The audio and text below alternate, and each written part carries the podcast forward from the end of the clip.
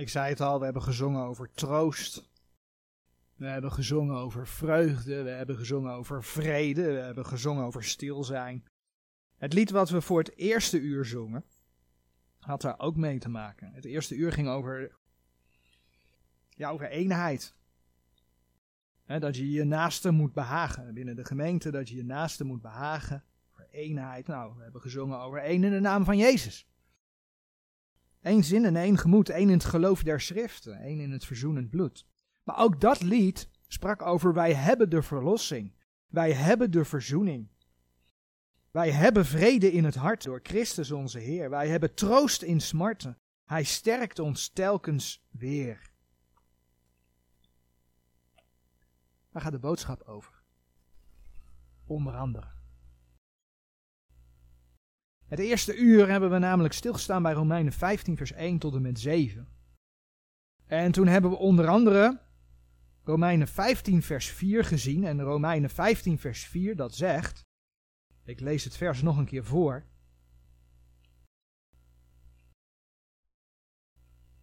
Want al wat tevoren geschreven is, dat is tot onze lering tevoren geschreven, opdat wij door leidzaamheid en vertroosting der schriften hoop hebben zouden. En we weten dat de brieven aan de gemeente, dat die leerstellig direct aan de gemeente geschreven zijn. Daar halen wij onze ja, leerstellige basis voor de gemeente uit. Maar dat houdt niet in dat je vandaag de dag van de rest van de schrift niet zou kunnen leren. Integendeel. 1 Korinthe 10, vers 6 en 11 laten zo mooi zien dat Israël ons als voorbeeld gegeven is. Maar dat vers, Romeinen 15, vers 4, laat ook nog eens zien dat het tot lering is. Je kunt ervan leren. Je leert leidzaam te zijn. Wat betekent dat leidzaam? Leidzaam, daar zit het woordje lijden in. Dat heeft met volharding te maken. Ondanks dat je moeilijkheden tegenkomt in je leven, dat je volhardt. Dat je standvastig bent in je geloof in de Heer, in het geloof in zijn woord. Nou, de Heere God laat dus allerlei situaties zien waarbij hij duidelijk maakt dat hij alle dingen in zijn handen heeft. Alles. Dus de schrift geeft vertroosting. En daardoor weer hoop. Want je weet dat wat de Heer zegt, dat het waar is. Nou, dit tweede uur willen we bij een psalm stilstaan. En wel psalm 4. We gaan kijken naar de geschiedenis van deze psalm. We gaan kijken naar de profetische inhoud van die psalm. Maar ook zien we dat we er als kind van God ook lessen uit kunnen leren. En we doen dat aan de hand van het thema met vrede slapen. En nee, dan gaat het niet om geestelijk slapen. Want de Heer vraagt juist van ons dat we geestelijk wakker zijn. Wees waakzaam en nuchter, komen we op verschillende plekken tegen. Colossense 4 vers 2, 2 Timotheus 4 vers 5, 1 Petrus 4 vers 7. Dus het gaat er zeker niet om om je geestelijk in een vredige slaap te sussen. Daar gaat het niet om. Waar we het wel over gaan hebben, is over je fysieke slaap. Dat als je de Heer vertrouwt, dat je met vrede kunt slapen. Dat je een goede nachtrust kunt hebben. Dat is wat zijn woord laat zien. Maar laten we allereerst die psalm lezen, psalm 4. Een psalm van David, voor de opperzangmeester, 19 uit. Als ik roep, verhoor mij, o God mijner gerechtigheid. In benauwdheid hebt gij mij ruimte gemaakt. Zijt mij genadig en hoor mijn gebed. Gij mannen, hoe lang zal mijn eer tot schande zijn? Hoe lang zult gij de ijdelheid beminnen, de leugen zoeken? Selah. Weet toch dat de Heere zich een gunstgenoot heeft afgezonderd. De Heere zal horen als ik tot hem roep. Zijt beroerd en zondigt niet. Spreek in uw lieder hart op uw leger en zijt stil. Selah. Offert offeranden der gerechtigheid en vertrouwt op de Heere. Velen zeggen, wie zal ons het goede doen zien? Verhef gij over ons het licht uws aanschijns, o Heere. Gij hebt vreugde in mijn hart gegeven, meer dan ten tijde als hun koren en hun most vermenigvuldigd zijn. Ik zal in vrede te samen nederliggen en slapen, want gij, o Heere, alleen zult mij doen zeker wonen. David schrijft over zijn benauwdheid en dan is de vraag over welke benauwdheid gaat het. Velen nemen aan dat David deze psalm heeft geschreven naar aanleiding van zijn vlucht voor zijn zoon Absalom. En ik voeg me daarbij, waarom? Nou, er zijn een aantal redenen voor. In de psalm ervoor, psalm 3 vers 1, daar wordt het letterlijk gezegd. Psalm 3 vers 1, een psalm van David als hij floot voor het aangezicht van zijn zoon Absalom. Nou, dat het in psalm 3 staat, wil natuurlijk niet zeggen dat het ook voor psalm 4 geldt. Psalm 4 zou een andere ontstaansgeschiedenis kunnen hebben. Maar laten we verder kijken. David schreef in Psalm 4 dat hij al eerder in benauwdheid was geweest. Psalm 4, vers 2 zegt: Als ik roep, verhoor mij, o God mijner gerechtigheid, in benauwdheid hebt gij mij ruimte gemaakt. Dus David kende daar al van. Want in benauwdheid had de Heer hem ruimte gemaakt. Dat had hij al meegemaakt. En ja, David kende natuurlijk de achtervolgingen van Saul. David kende de situatie dat zijn vrouwen en kinderen ontvoerd werden toen hij in Ziklag woonde. Toen hij met de Filistijnen uittrok ten strijde en, terugkwam omdat hij niet mee mocht strijden, waren de vrouwen en kinderen verdwenen, niet alleen van hem, maar van al de mannen die met hem waren. Maar ze wilden hem stenigen. Dat lees je in 1 Samuel 30, vers 3 en vers 6.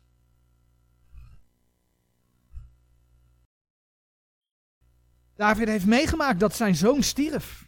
Omdat hij de vrouw van Uria afgepakt had. 2 Samuel 12, vers 23 en 24. En zo zijn er nog veel meer situaties uit Davids leven te benoemen. Waarin hij het benauwd heeft gehad. Waarin hij het moeilijk had. En ondanks dat sommige benauwdheden ontstonden door Davids eigen toedoen.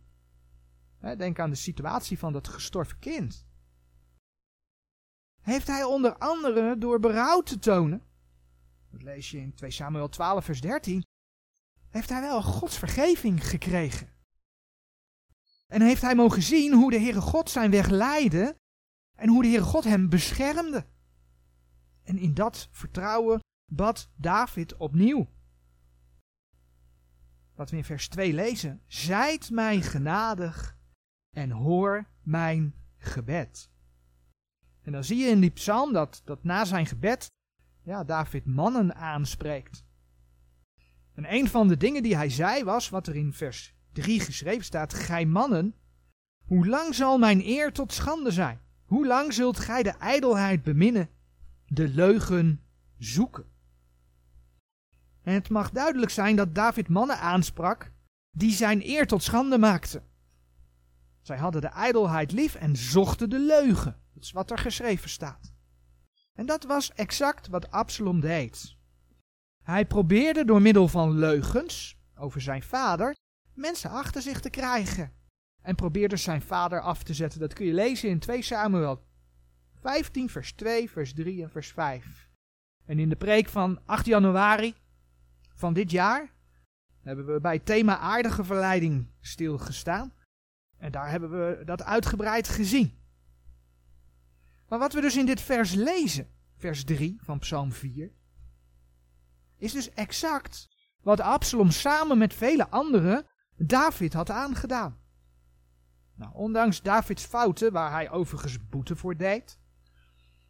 Je leest verschillende boetepsalmen ook. Daar deed hij boete voor. Je leest op verschillende plaatsen, en ik heb er net één genoemd, dat David ook gestraft is voor hetgeen hij gedaan had. Ondanks dat noemt de Heere God hem een man naar Gods hart. Je komt dat tegen in 1 Samuel 13 vers 14 en het Nieuwe Testament herhaalt dat in Handelingen 13 vers 22. David was een man naar Gods hart. Het is die David aan wie de Heere een eeuwig koninkrijk beloofde. Een eeuwig koninkrijk kun je vinden in 2 Samuel 7, vers 15 en 16. Dat is dus iets wat nog in vervulling zal gaan. Door onder andere de heerschappij van de Heer Jezus in zijn duizendjarig vrederijk. Maar bedenk ook even wat David tegen zijn mannen zei toen ze vervolgd werden door Saul. En toen ze daar in de spelonk waren. En dat zijn vrienden zeiden, en dan bladeren we naar 1 Samuel 24. 1 Samuel 24, vers 7. Dat zijn mannen eigenlijk tegen hem zeiden, nou, Nu is hij in je handen gegeven. Nu kun je hem doden. Maar David deed dat niet. David zei in 1 Samuel 24, vers 7 tegen zijn mannen. Vers 7. En hij zeide tot zijn mannen, dat laten de heren verre van mij zijn, dat ik die zaak doen zou aan mijn heer, de gezalfde des heren, dat ik mijn hand tegen hem uitsteken zou, want hij is de gezalfde des heren.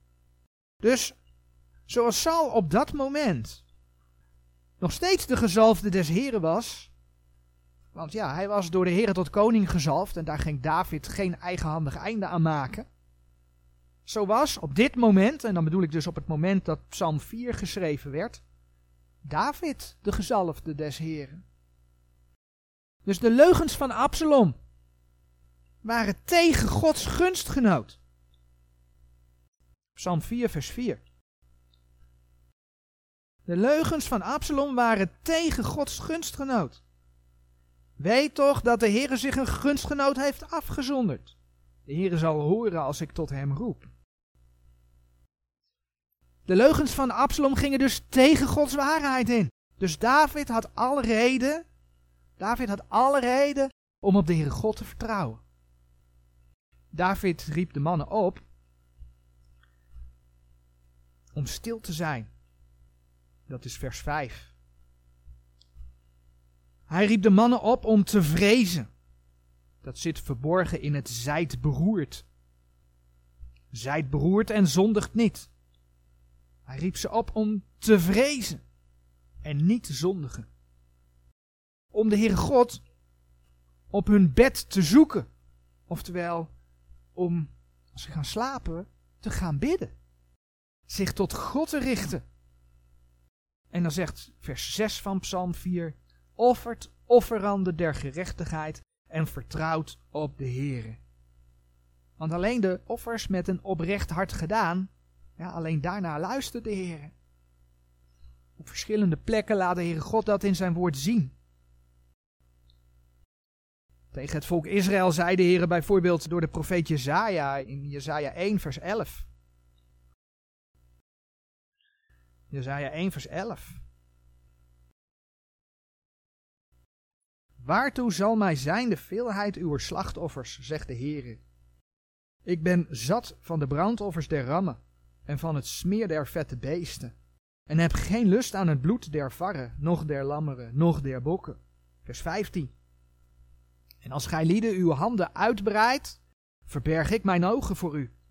Ook wanneer gij het gebed vermenigvuldigt, hoor ik niet, want uw handen zijn vol bloed. Een ander vers wat daarover gaat is Spreuken 15, vers 8.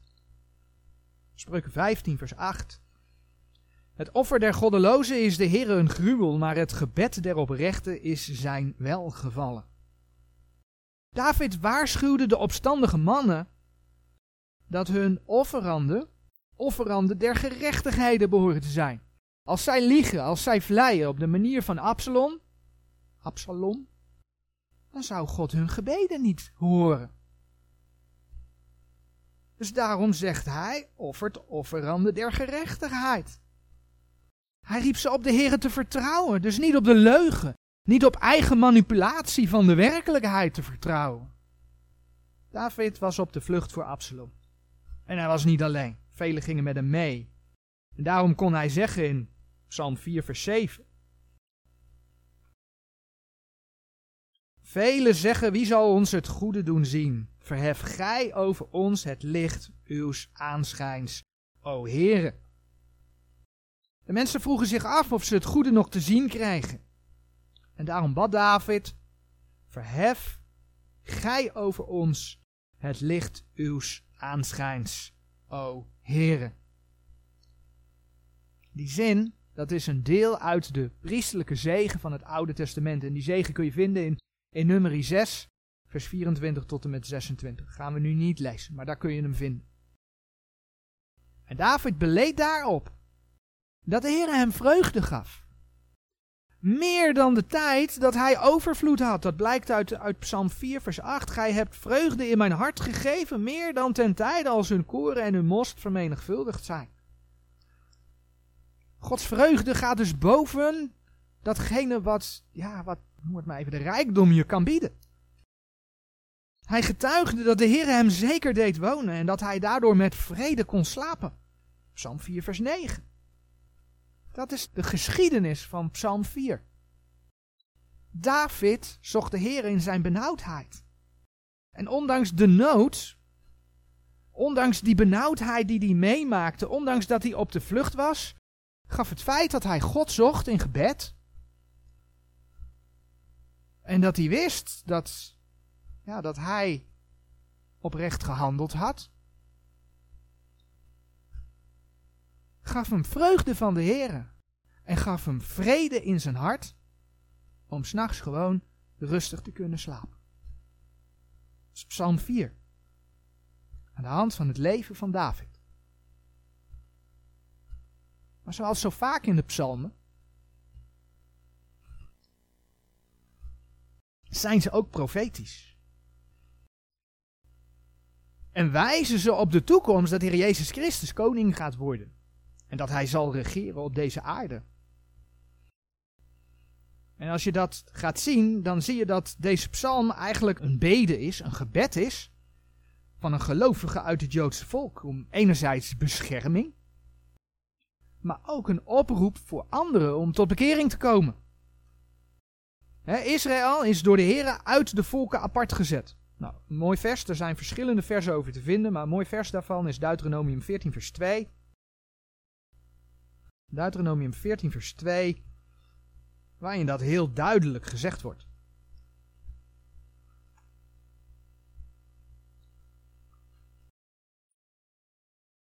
Want gij zijt een heilig volk in de Heer uw God, en u heeft de Heere verkoren om hem tot een volk des eigendoms te zijn uit al de volken die op de aardbodem zijn. Israël is Gods volk. Israël is, zoals Psalm 4 vers 4 zegt, ja, Gods gunstgenoot. En heeft als enige, als enig volk, de belofte dat zij eens als volk geheel tot bekering gaat komen. Hè? Dat vind je heel mooi in, in Romeinen 11, vers 26 geschreven. Maar de offers die het volk bracht, en de offers die het volk ja, tot in de grote verdrukking zal brengen, dat zijn niet de offers die de Heer wil. We hebben er in Romeinen 10 bij stilgestaan, Romeinen 10, vers 2 en 3, dat Israël bezig is met het oprichten van haar eigen gerechtigheid. En daarmee ja, Gods gerechtigheid niet onderworpen was. Ze deden dat en doen dat buiten de Heer Jezus Christus om. Dus kom je in Openbaring 11 vers 8 tegen dat Israël wel geestelijk Sodom en Egypte genoemd wordt. Dat is de status van Israël. Laat God zelf zien. Zij hebben dan ook in die tijd een verbond gemaakt met de leugen. In Psalm 4, vers, vers 3. Gij mannen, hoe lang zal mijn eer tot schande zijn? Hoe lang zult gij de ijdelheid beminnen, de leugen zoeken? Ja, Israël zoekt de leugen. Ze gaan een verbond met de antichrist maken. Er zijn verschillende schriftgedeelten die daarover gaan. Jezaja 28, vers 15 tot en met 18 spreken over een verbond met de hel. Daniel 9, vers 27 gaat daarover. 2 Thessalonicense 2, vers 3 tot en met 12 gaat daarover. Hoe lang zult gij de leugen zoeken? Ja, en daarom laat de schrift zien dat Israël verbroken moet worden. David heeft dat in zijn eigen leven persoonlijk moeten leren. Door de geschiedenis met Bathseba en het gestorven kind heen. Psalm 51 gaat daarover. Onder andere de bloedschuld van Uria komt daarin aan bod. Dat hij Uria had laten doden. Maar die psalm, psalm 51, eindigt met de volgende verse. Dan lezen we vanaf vers 18. Want gij hebt geen lust tot offeranden, anders zou ik ze geven. In brandoffers hebt gij geen behagen. De offeranden Gods zijn een gebroken geest, een gebroken en verslagen hart, zult gij, o God, niet verachten. Doe wel bij Sion naar uw welbehagen, bouw de muren van Jeruzalem op. Dan zult gij lust hebben aan de offeranden der gerechtigheid, aan brandoffer en een offer dat gans verteerd wordt. Dan zullen zij varren offeren op uw altaar. In die laatste verse van deze psalm zien we dat Davids gebed veel verder reikt dan zijn eigen nood. Dan zijn eigen situatie. Het gaat over het herstel van Jeruzalem. Het gaat erover dat Jeruzalem hersteld moet worden. Dus wat je dus leest in die psalm is dat niet alleen David gebroken moest worden. Jeruzalem moest gebroken worden. Israël moet gebroken worden door de grote verdrukking heen, want dan zullen zij tot geloof komen. En wanneer zij tot geloof is gekomen in haar Messias, wanneer zij Gods gerechtigheid hebben leren kennen, kunnen er wel weer offers der gerechtigheid gebracht worden. Dan zeg je offers. Dat zal dan duizendjarig vrederijk zijn. Nou ja, als je Ezekiel gaat lezen, er zullen inderdaad weer offers gebracht gaan worden in de grote verdrukking. Dus dat klopt allemaal precies. Hoe moeilijk het misschien voor ons voor te stellen is, omdat we die offers vandaag de dag niet kennen, omdat het ene offer van de Heer Jezus volmaakt is in het duizendjarige vrederijk, gaat het op een bepaalde manier wel weer terugkomen. Waar het Joodse volk op wacht, is wat de priesterlijke zegen verwoordt. En waar dus Psalm 4, vers 7 zegt: Verhef gij over ons het licht uws aanschijns, o Heer. Dat is waar het Joodse volk op wacht. Dat gaat ten volle in vervulling als de Heer Jezus terugkomt. Dan gaat hij met zijn vijanden afrekenen, maar dan komt de zegen voor Israël. De profeet Malachi spreekt daarover. Meerdere profeten, maar we halen Malachi aan. Malachi 4, vers 1 en 2.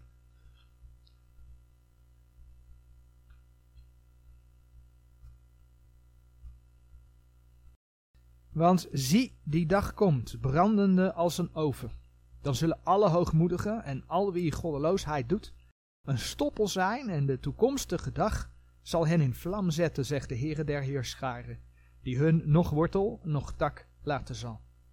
U lieden daarentegen, die mijn naam vreest, zal de zon der gerechtigheid opgaan.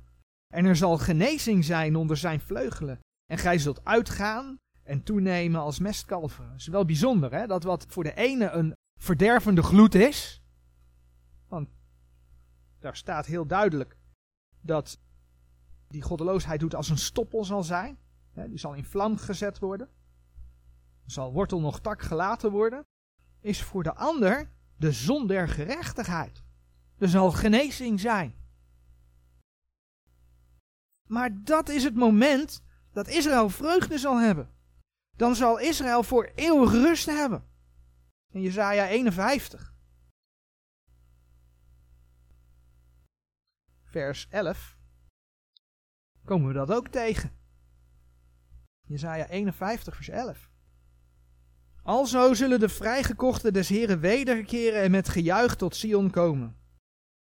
En eeuwige blijdschap zal op hun hoofd wezen, vreugde en blijdschap zullen zij aangrijpen, treuring en zuchting zullen wegvlieden. Eeuwige blijdschap, vreugde en treuring en zuchting zullen wegvlieden. Nou, je kunt daar ook bij opzoeken Jeremia 23 vers 5 en 6 en als je gaat zoeken, vind je vast nog meerdere schriftplaatsen waar je dat in kunt vinden. Maar zie je hoe mooi dit alles weergegeven wordt in Psalm 4. Hoe dat alles dus iets zegt over het verleden van David. Wat David meegemaakt heeft. De steun die hij zocht, de kracht die hij zocht bij de Heer God in zijn benauwdheid. Hoe dat vooruitwijst naar de benauwdheid die Israël gaat meemaken in de grote verdrukking. En hoe zij daardoor tot bekering zal gaan komen. En dan zien we als derde dat ondanks dat er een oud-testamentische setting is, want de Heere God heeft dit geopenbaard in de eerste plaats aan Israël. Dat zie je aan verschillende dingen. Onder andere ehm, dat daar gesproken wordt over de God mijner gerechtigheid in vers 2. God mijner gerechtigheid, God van mijn gerechtigheid. Als christenen dragen we zijn gerechtigheid. Mag je Gods gerechtigheid dragen. Dat is een verschil dat recht gesneden moet worden. In die psalm wordt over de offers gesproken. Dat zijn letterlijke offers. Die het Joodse volk kende. Dat kennen wij als gemeente van Jezus Christus niet. Dus ondanks dat er heel duidelijk een oud-testamentische setting is, waardoor je het woord recht moet snijden, mag je ook als individueel lid van het lichaam van de Heer Jezus leren van deze psalm. Dat is wat we dus vanmorgen in Romeinen 15, vers 4 gezien hebben. Ook hier kunnen wij, ook hier kan jij uit leren. Want, ook als kind van God, kom je soms in tijden van benauwdheid. En dat is dan weliswaar niet de grote verdrukking. Want daar hoef je als kind van God niet doorheen. Maar iedereen komt op de een of andere manier met verdrukking, met moeilijkheden in aanraking. En dat kan van alles zijn. Dingen in je eigen leven. Dingen die je meemaakt met geliefden. Gezondheid. Andere dingen. Dingen die in de maatschappij gebeuren. En zeker in deze laatste dagen van de gemeentetijd zal het er, hè, menselijkerwijs, als mens die de Heeren wil dienen, zal het niet altijd even makkelijk zijn. Nee. Maar de vraag is dan, waar of bij wie zoek je dan je bescherming? Vertrouw je op jezelf? Vertrouw je op vluchtpogingen die je zelf in elkaar draait? Vertrouw je op de medemens? De medemens die de Heere God niet kent? Of vertrouw je op de Heere God? Nou, deze psalm, psalm 4, geeft een aantal adviezen van de Heere God om ondanks de moeilijkheden, hè, want David zat ook in benauwdheid, om ondanks de moeilijkheden toch met vrede te kunnen slapen. Als kind van God ben je uit de wereld getrokken. De wereld ligt in zonde, de wereld ligt in het boze. En ja, sta daarmee ook onder de overste van de macht der lucht. Efeze 2, vers 2 en 3. Mensen die zijn ja, daardoor overgeleverd aan de wil van hun eigen vlees. Wat geleid wordt door de boze. Daarom glijdt die wereld ook steeds verder af. Maar de Heer Jezus kwam om voor zondaren de losprijs te betalen. En je zo vrij te kopen. Vrij te kopen van de vader de duivel. Want ja, zo wordt hij ook genoemd in Gods woord. Hij is ook een vader. Dat deed hij aan het kruis van Golgotha. Door zijn lichaam te laten verbreken. Zijn bloed te laten vergieten. In openbaring 5 vers 9 wordt, wordt een loflied gezongen. Hele mooie woorden. Openbaring 5 vers 9. Een loflied in de hemel. Over wat de Heer Jezus gedaan heeft. En zij zongen een nieuw lied, zeggende, Gij zijt waardig het boek te nemen en zijn zegelen te openen, want gij zijt geslacht en hebt ons goden gekocht met uw bloed uit alle geslacht en taal en volk en natie. Nou, Galaten 1 vers 4 zegt dat je dan uit de wereld getrokken bent. Dus net als het volk Israël ben je, ja, ben je apart gezet. Alleen niet als een aardsvolk, niet als een fysiek volk, maar als een geestelijk volk ben je door God apart gezet. Dus als kind van God mag je dus in deze tijd een gunstgenoot van de Here zijn. Wat Psalm 4, vers 4 over spreekt. Als kind van God mag je net als David Gods aangezicht zoeken in gebed. Je kunt in allerlei situaties kun je uitvluchten, hulpmiddelen, veiligheidsmaatregelen bedenken. Laten we ondertussen naar Psalm 33 bladeren. Je kunt mensen raadplegen, maar zonder de Here ben je helemaal nergens. In eh, Psalm 33, vers 10 en 11, daar staat bijvoorbeeld geschreven: de Heere vernietigt de raad der heidenen, hij breekt de gedachten der volken. Maar de raad des Heeren bestaat in eeuwigheid. De gedachten zijn harten van geslacht tot geslacht. Je kunt nog zulke wijze raad van mensen krijgen. Maar Gods raad is vele malen beter. Al helemaal omdat daar dus staat dat hij de raad der heidenen te niet te doen zal. Eigen kracht faalt. Psalm 33, vers 16 en 17 zeggen. Een koning wordt niet behouden door een groot heer. Een held wordt niet gered door grote kracht. Het paard velt ter overwinning en bevrijdt niet door zijn grote sterkheid. Het ligt dus niet aan jouw kracht. Het ligt niet aan jouw sterkte, aan jouw maatregelen die je neemt. Het is de Heere die stuurt. Het is de Heer die alle dingen in zijn handen heeft. Vers 18 en 19 gaan daar ook over. Hij is je hulp. Vers 20. Onze ziel verbijt den Heere, onze ziel verwacht de Heere. Hij is onze hulp en ons schild. Nou, als je daar spreuken 21 bij pakt, vers 30 en 31, dan lees je eigenlijk soortgelijke versen. Alleen net anders verwoord. Daardoor laat het ook nog weer wat extra's zien. Spreuken 21, vers 30 en 31. Er is geen wijsheid en er is geen verstand, er is geen raad tegen de Heer. Het paard wordt bereid tegen de dag des strijds, maar de overwinning is des Heeren. Met andere woorden, je kunt nog zoveel willen, je kunt nog zoveel doen. Het paard wordt bereid tegen de dag des strijds. Je kunt nog zoveel willen. Maar hoe het gaat, ligt helemaal aan de Heeren. Want staat er, maar de overwinning is des Heeren. Daarom heb je hem nodig.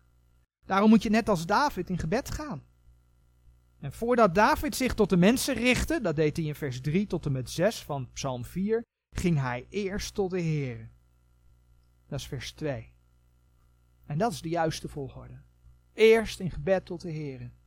En dan de mensen. Of dat nou is omdat je mensen wilt waarschuwen, of dat het is omdat je misschien raad wilt plegen. Eerst de Heer. Hem om leiding vragen. Dat is de juiste volgorde ook vandaag de dag. Dus als je raad en hulp nodig hebt, wat doe je dan? Ga je dan eerst bij mensen te raden? Of ga je hen uit jezelf vertellen wat de oplossing is? Dat past een beetje in, de context van deze psalm. Of richt je eerst in gebed tot de Heer God, om zijn wijsheid, om zijn leiding, om zijn kracht te vragen. Het volk Israël ging in ballingschap en is ook nu nog onder de volken verstrooid. Waarom? We zagen het al, omdat het haar eigen gerechtigheid zoekt op te richten. En ondertussen waren en zijn ze bezig met, nou ja, we kennen het uit Gods woord, afgoderij, hoererij, bloedvergieten, hulp zoeken bij mensen, in plaats van bij de Heere God. Dat zie je ook vandaag de dag. Hè? Ze willen vrede met de buurvolken. Egypte, Syrië, noem de Arabische landen maar op. Ze zoeken vrede, hulp bij de mensen in plaats van bij de Heere God.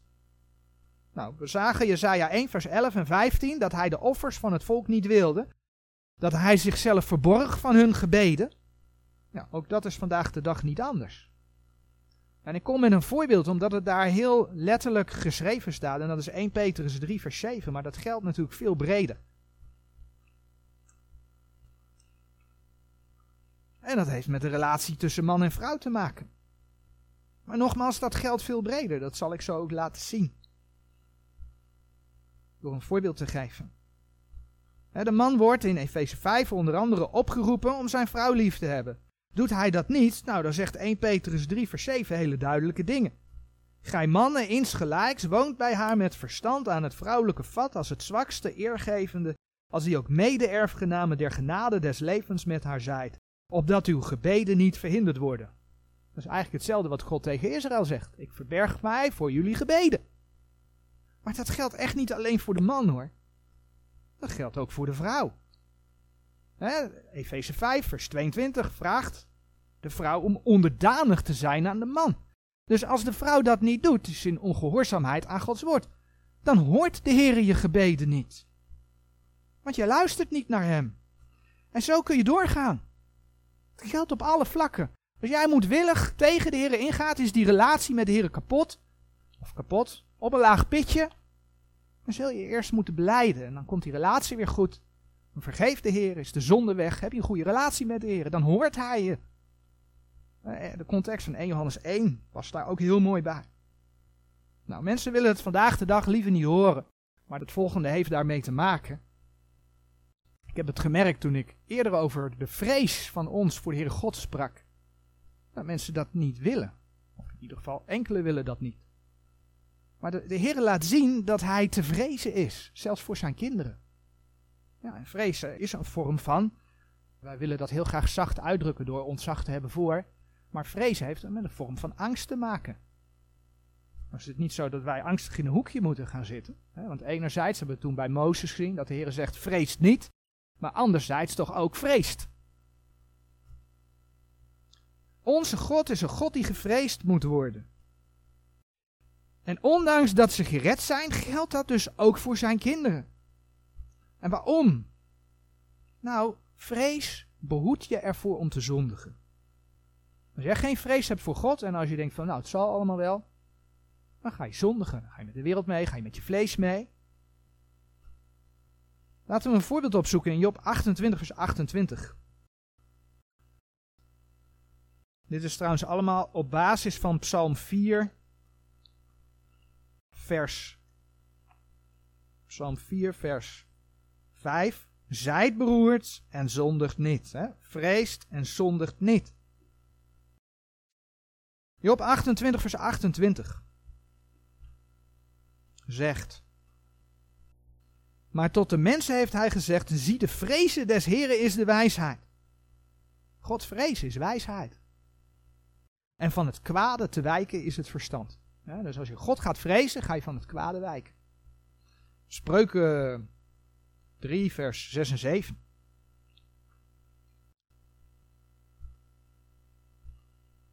Spreuken 3, vers 6, hele mooie tekst. Ken hem in al uw wegen en hij zal uw paden recht maken. Maar daar eindigt het niet. Dat is een hele mooie belofte. Hè? Hij zal uw paden recht maken. Mooi, mijn paden gaan recht worden. Ja, maar kijk eens, lees vers 7 ook eens even. Zijt niet wijs in uw ogen, vrees de Heer en wijk van het kwade. Dat is wel een opdracht. Wijk van het kwade, vrees de Heer. Nou, op het moment dat je relatie met de Heer goed is, hè, dat je je zonde beleidt, dat je het verlangen hebt om je zonde na te laten, als dat goed is, weet je, dan hoort de Heer jouw gebed. Dan kun je dus met David zeggen, wat er in Psalm 4, vers 4 geschreven staat. Weet toch dat de Heere zich een gunstgenoot heeft afgezonderd. De Heere zal horen als ik tot hem roep. Mooi hè? Weet toch dat de Heere zich een gunstgenoot heeft afgezonderd. De Heere zal horen als ik tot hem roep. En betekent dat dan dat alles dan voor de wind gaat? Want de Heere hoort mij toch? Nee, nee, David was ook in nood. Het was een gebed in zijn nood. Het was een gebed in zijn benauwdheid. Maar de Heere hoort je. Hij is erbij. Maar wat je dan ook kunt doen, hè, als je je zonde beleidt, als je oprecht de Heer wilt volgen, ook dan kun je het volgende doen. Namelijk, offeranden der gerechtigheid offeren. Wat Psalm 4 vers 6 zegt, offert offeranden der gerechtigheid. Nou, als kind van God breng je geen offer meer in de vorm van een dier dat geslacht wordt. Het offer van de Heer Jezus is eenmaal gebracht. Dat offer is voldoende. Maar als we dan naar 1 Petrus 2 vers 5 bladeren, dan zien we dat we ook vandaag de dag wel degelijk offers kunnen brengen aan de Heere God. En dan spreekt de Heere God namelijk over geestelijke offeranden. 1 Petrus 2 vers 5.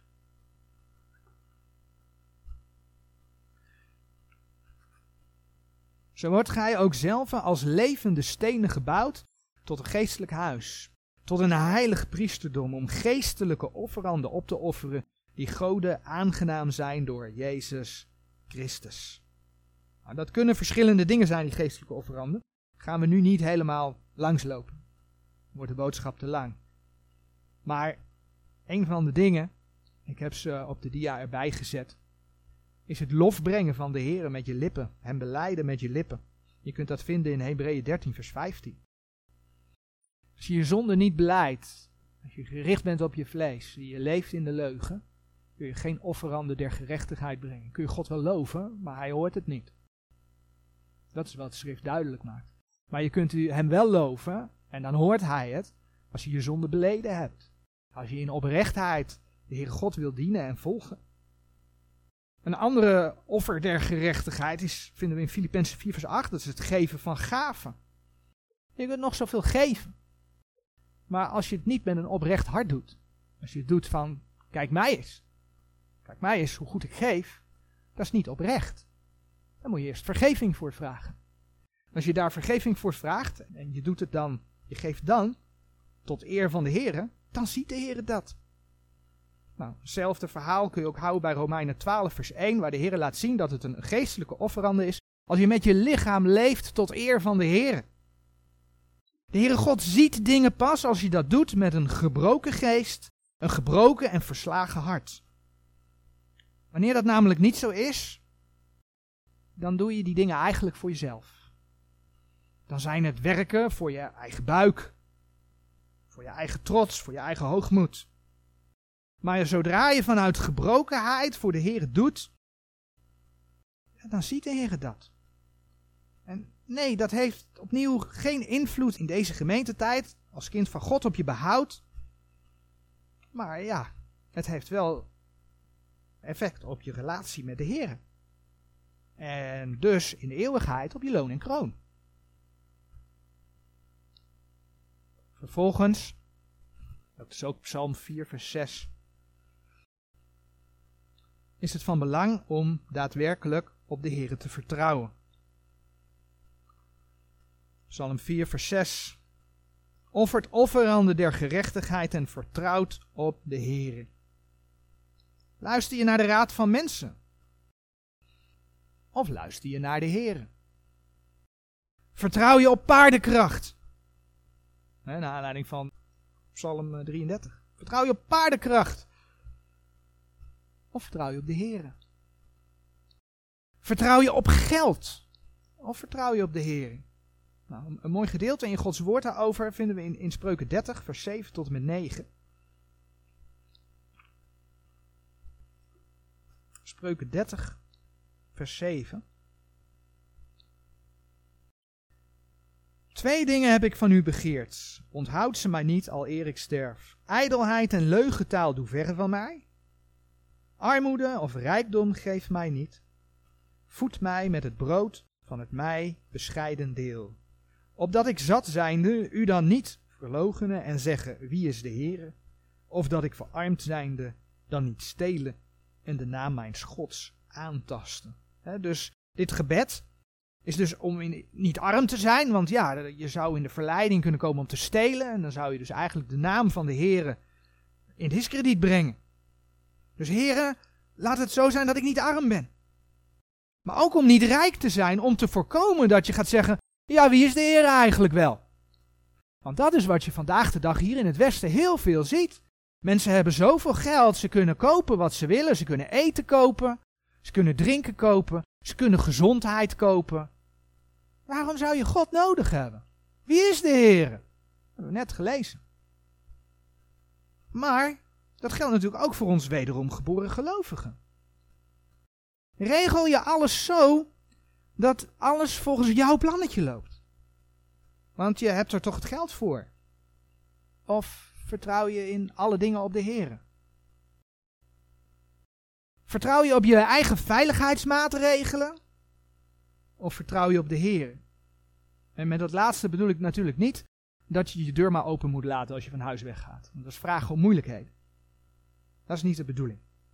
Maar de vraag is wel, waar of op wie vertrouw je?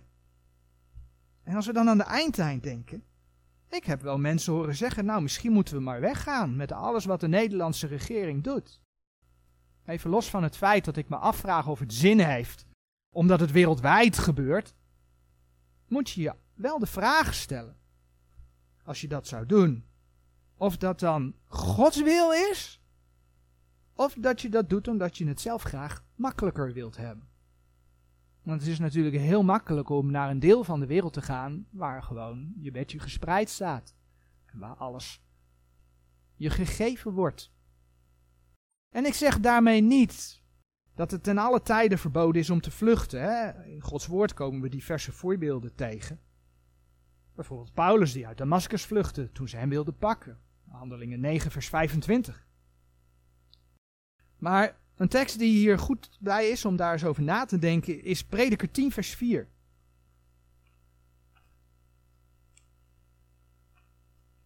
Prediker 10 vers 4.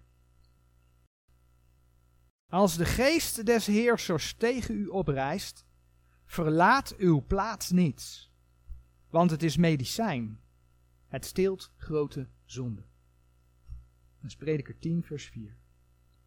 Weet je, het beste is om de Heer te zoeken in het lezen van zijn woord en in gebed. En als hij dan dingen duidelijk gaat maken die ook tegen jouw wil in kunnen gaan, dan die weg ook te volgen en daarbij te vertrouwen op zijn woord. Zo kwam ik onlangs een goed voorbeeld tegen van iemand die zijn plaats niet verlaten heeft. Ik las een bericht, een bericht over broeder Valera. Broeder Valera is een bijbelgelovige voorganger in Oekraïne. Hij schreef onder andere over de gevaarlijke situatie daar vanwege de raketaanvallen van Rusland.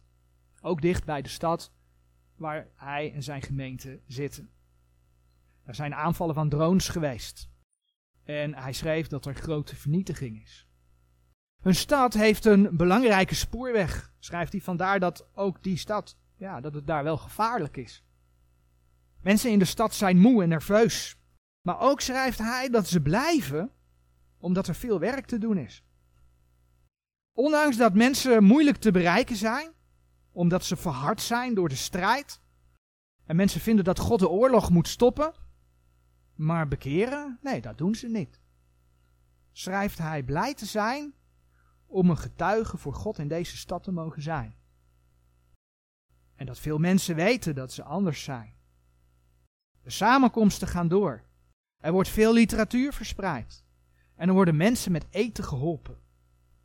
Ze bidden de Heer voor veiligheid en voor bescherming. Want, zegt hij, onze hoop en hulp, onze Heere verandert niet. Hij is altijd met ons. Tot zover even de weergave van het bericht. Ik heb het niet letterlijk overgenomen, ik heb het niet letterlijk vertaald, maar dit is wel een samenvatting van de inhoud van dat bericht. Enerzijds noem ik dat zodat we voorbeden kunnen doen voor broeder Valera daar in Oekraïne en zijn gemeente. Anderzijds laat het zien dat deze man, ja, die was op die plek, maar hij vlucht niet. Hij blijft, omdat er werk te doen is. Hij blijft waar de Heer hem gesteld heeft. En niet elke situatie is gelijk. Elke situatie is anders. Maar neem dit als voorbeeld mee. En dat geldt ja, ook voor andere beslissingen die je neemt. En dat is niet altijd makkelijk. Maar de vraag die je zelf moet stellen is: doe ik dit in dingen die je doet, dingen die je beslist? Doe ik dit voor mijzelf? Of doe ik dit omdat ik de Heere vertrouw? In uh, Psalm 4 lazen we onder andere in vers 5: Zijt beroerd en zondig niet. Spreek in uw lieder hard op uw leger, dus ga in gebed en zijt stil. Zijt stil. Nou, ergens anders staat er in Gods woord: De Heer zal voor jullie strijden en gij zult stil zijn. Laat het aan de Heer over. Je kunt die tekst vinden in Exodus 14, vers 14. Laat het aan de Heer over. En bid en beleid het de Heer maar. Want zoals gezegd, het is niet altijd makkelijk. Zeg het maar gewoon dat je het moeilijk vindt. Heere God, ik vind het moeilijk. Vraag de Heer om je te helpen je vertrouwen op Hem te stellen. Ook als de nood aan de man is. Want weet je, als je vertrouwen zo groot is, of beter gezegd, als je vertrouwen met Zijn hulp zo groot kan zijn, dan slaap je rustig. Waar zou je zorgen over maken? En dat is wat de Heer door David in Psalm 4 liet zien, vers 7 tot en met 9. Velen zeggen, wie zal ons het goede doen zien? Verhef gij over ons het licht uws aanschijns, o Heere. Gij hebt vreugde in mijn hart gegeven, meer dan ten tijde als hun koren en hun most vermenigvuldigd zijn. Dus eigenlijk zou onze vreugde, als we op de Heer vertrouwen in deze tijd, met alles wat er in de maatschappij om ons heen gebeurt, dan is er nog geen oorlog zoals in Oekraïne, gelukkig, dat mogen we ook best zeggen, daar mogen we ook dankbaar voor zijn. Maar eigenlijk zou dus, als we vertrouwen op de Heer, onze vreugde groter moeten zijn dan in de tijd dat we genoten van ja, meer vrijheid. Gij hebt vreugde in mijn hart gegeven, meer dan ten tijde als hun koren en hun most vermenigvuldigd zijn. Vers 9, ik zal in vrede tezamen nederliggen en slapen, want gij, o Heer, alleen zult mij doen zeker wonen. Weet je, dan, dan doet de rijkdom er niet meer toe. Want dan heb je zijn vreugde en dan heb je zijn vrede. Een mooi voorbeeld is natuurlijk toen Paulus en Silas gevangen genomen werden. En dan bladeren we naar handelingen 16. Ze werden gegezeld notabene. Ze werden gegezeld en ze werden in de gevangenis geworpen. En wat deden ze daar? Ze gingen bidden en zingen. Handelingen 16 vers 25. En omtrent de middernacht baden Paulus en Silas en zongen goden lofzangen. En de gevangenen hoorden naar hen. Paulus en Silas gingen niet bij de pakken neerzitten. Ze vertrouwden op de Heere God, gingen tot hem in gebed, ja, en ze verheerlijkten hem met lofzangen. Welke moeilijkheden je ook tegenkomt in je privésfeer, je opleiding, je gezin, je werk, je gezondheid, of misschien wel door vervolging. En ik noem hem bewust. Misschien wel door vervolging. Omdat de maatschappij toegroeit naar een dictatoriale overheersing van het antichristelijke rijk. Wat het uiteindelijk moet worden. Als kind van God mag je de Heere bidden. Mag je de Heere vrezen om je niet tot zonde te laten verleiden. Mag je de Heere offeranden der gerechtigheid geven. Mag je de Heer in alles vertrouwen, wetende dat Hij je dan hoort. En dat Hij je dan, ondanks nood, je troost, je helpt om te volharden, Zijn vreugde geeft, waardoor je zelfs met vrede kunt slapen. Amen.